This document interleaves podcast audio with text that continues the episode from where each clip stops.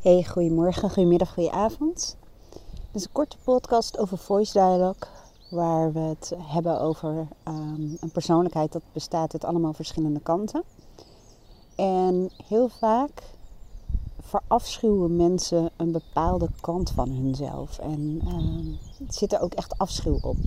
Of um, balen ze ervan, of schamen ze zich ervoor, of ze willen in ieder geval vaak van een bepaalde kant af of uh, bijvoorbeeld angst overwinnen. Bij de voice dialogue wordt daar heel anders naar gekeken.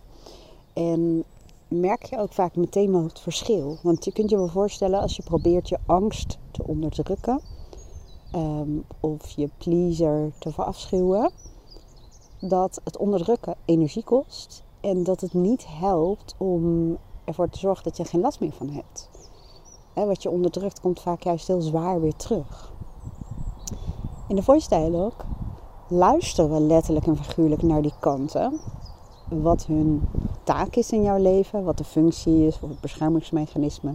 Kortom, waar het voor zorgt. En dit is een kleine tip, gewoon een dagelijkse praktische tip. Om ja, al wel bewuster te worden dat een bepaalde kant, of je hem nou wel of niet leuk vindt, als die aanwezig is. En als je voelt dat je bijvoorbeeld last hebt van een bepaalde stemming of een bepaalde emotie of bepaalde gedachten, hè, dat dat van een bepaalde kant afkomstig is. Bijvoorbeeld een pleaser die het heel vervelend vindt om anderen te kwetsen of om nee te zeggen. Of een impulsieve kant die allemaal dingen vanuit uh, emotie uh, doet. Of angst die heel erg dominant is geworden. Het helpt om jezelf deze vraag te stellen.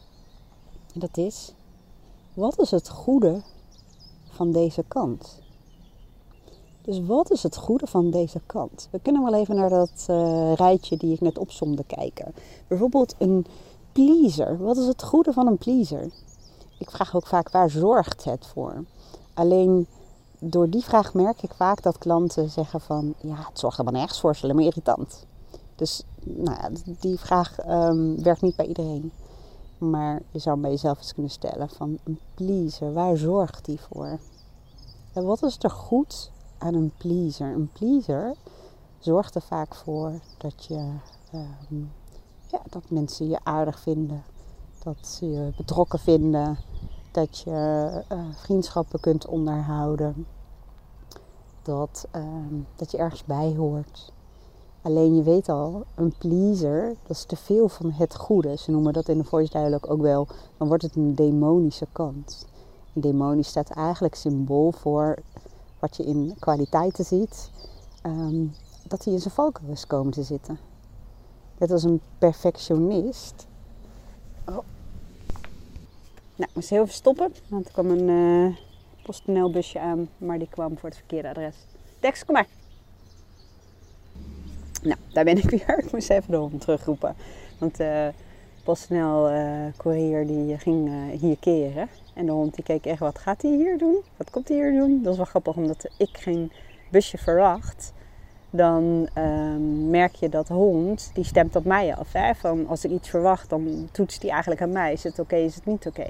Maar als ik iets niet verwacht, dan heb ik natuurlijk een beetje een afwachtende houding. En dan zie je dat hij echt ja, een beetje in zijn waaksheid terechtkomt. Dus dat is wel heel mooi eigenlijk. Um, ik vertelde je over valkuilen en demonisch. Dat een perfectionist bijvoorbeeld in essentie een hele nauwkeurige kant is. En die uh, dingen heel goed wil doen. Als hij doorslaat, dan wil hij alles perfect doen. En een pleaser is in essentie ook een betrokken kant. Een zorgzame betrokken kant. En als hij doorslaat, wordt hij een pleaser. En dan ga je eerst um, afstemmen op de behoeften van andere mensen. En als er nog een restje overblijft, dan kom jij. En heel veel mensen raken dan ook het contact met hun eigen gevoel en hun eigen behoeften kwijt. Dus dat is, dat is het doorslaan van. Maar in essentie is het natuurlijk wel een hele goede kant. Alleen niet in de hoedanigheid waarop hij zich uh, nu presenteert, om het zo te zeggen. Maar de vraag, wat is er goed aan deze kant?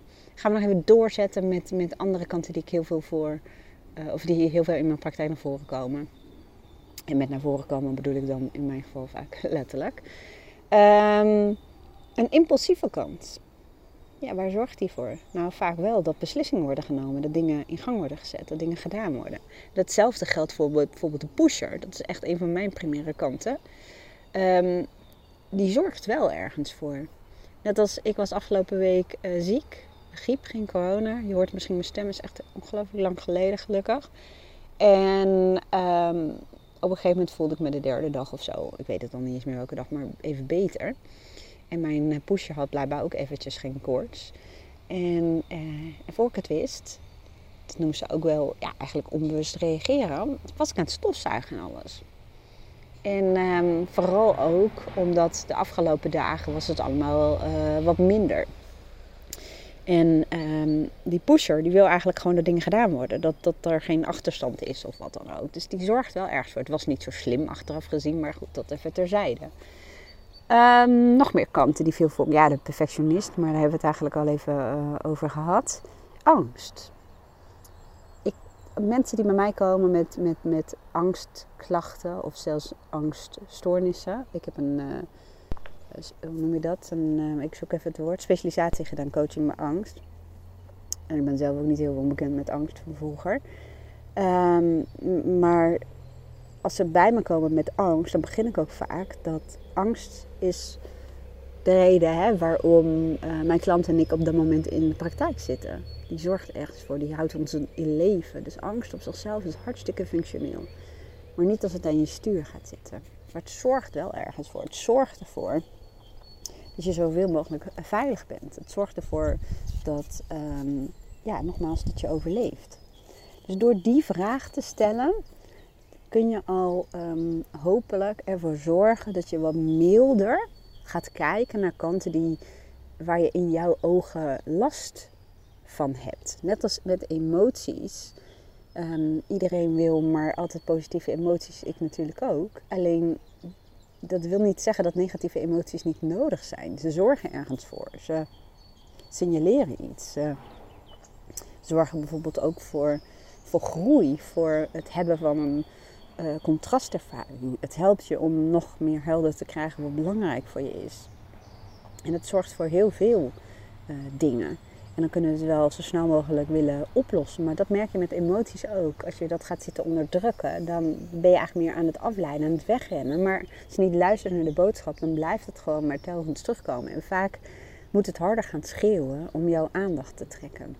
Dus als ik dit zou kunnen samenvatten, deze podcast, gaat het erover. Um, als je ergens last van hebt bij jezelf, zet dan de eerste stap. Door op het moment dat je bewust wordt dat je een kant of iets in jou afschuwt, of dat je ervan baalt, of dat je ervan af wil, door eens jezelf de vraag te stellen: maar waar zorgt dit voor? Of wat is het goede hiervan? Of wat is het voordeel? En dan ga je steeds bewuster en ook liefdevoller kijken naar het hele palet aan kanten waaruit jouw persoonlijkheid bestaat. misschien ken je ook wel de term schaduwkanten. En een mooie om mee af te sluiten. Ik zit alleen even te denken, wie heeft dat gezegd? Iemand heeft het gezegd, een, een psycholoog. Um, ik zie hem zo voor me maar ik kom even niet op zijn naam. Ik hou ervan om, om te citeren of uh, om de bron te noemen van wat mensen zeggen.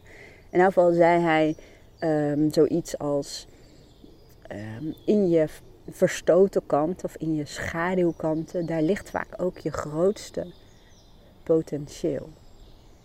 Ook door um, de kanten te erkennen en door ze ja, te begroeten, klinkt ook weer een beetje gek, maar uh, in de voice dialogue heb je dat wel, en is dat ook letterlijk, maar door ook daarnaar te luisteren. En om die kanten als het ware uit de schaduw te halen en te kijken wat ze je te vertellen hebben. En dan merk je heel vaak dat uh, bepaalde blokkades worden um, opgeheven. Of dat je erachter komt dat, ja, dat er gewoon echt een potentieel in je ligt waarvan je niet wist dat je het had. Nou, dat was hem. Dit uh, was mogelijk ook het werk van een pusher. Ik weet het niet. Ik was in de tuin gaan liggen. Ja, ik weet het wel. Kijk, wanneer is het het werk van een pusher of van een, van een perfectionist of van een pleaser? Als je um, onbewust kiest. En wat ik daarmee bedoel, ik, voordat ik deze podcast ging opnemen, lag ik in de zon. En ik was um, aan het nadenken en aan het rusten dan, omdat ik nog aan het herstellen ben van die griep. En in één keer kreeg ik dit idee. Toen dacht ik, oh, ja, dit is wel een mooie voor een uh, korte podcast. Toen heb ik even bewust afgewogen, want dan is er ook een deel in mij dat zegt, nee, je moet rusten, je moet het allemaal niet doen. En, um, en een ander deel zegt, ja, dat moet je wel doen. Dus ik heb een bewuste keuze gemaakt. Door te luisteren als het ware naar dat gevoel wat ik had van om het wel te doen. En dat gevoel wat ik had om het niet te doen. En als je dan een bewuste keuze maakt, ja, dan is het als het ware goed. Want daar gaat ook heel voice dialogue over. Dat je niet uit, vanuit een kant gaat reageren of vanuit de emotie gaat reageren. Maar dat je bewust kiest en bewust luistert naar wat zich aandient. En dat je bewust luistert naar eh, verschillende perspectieven als het ware. En vanuit daar een bewuste keuze maakt. Dus niet een keuze vanuit een kant. Dat is eigenlijk de hele doelstelling van Voice Dialogue. Ik wens je een hele mooie dag. Dankjewel voor het luisteren en heel graag tot de volgende podcast.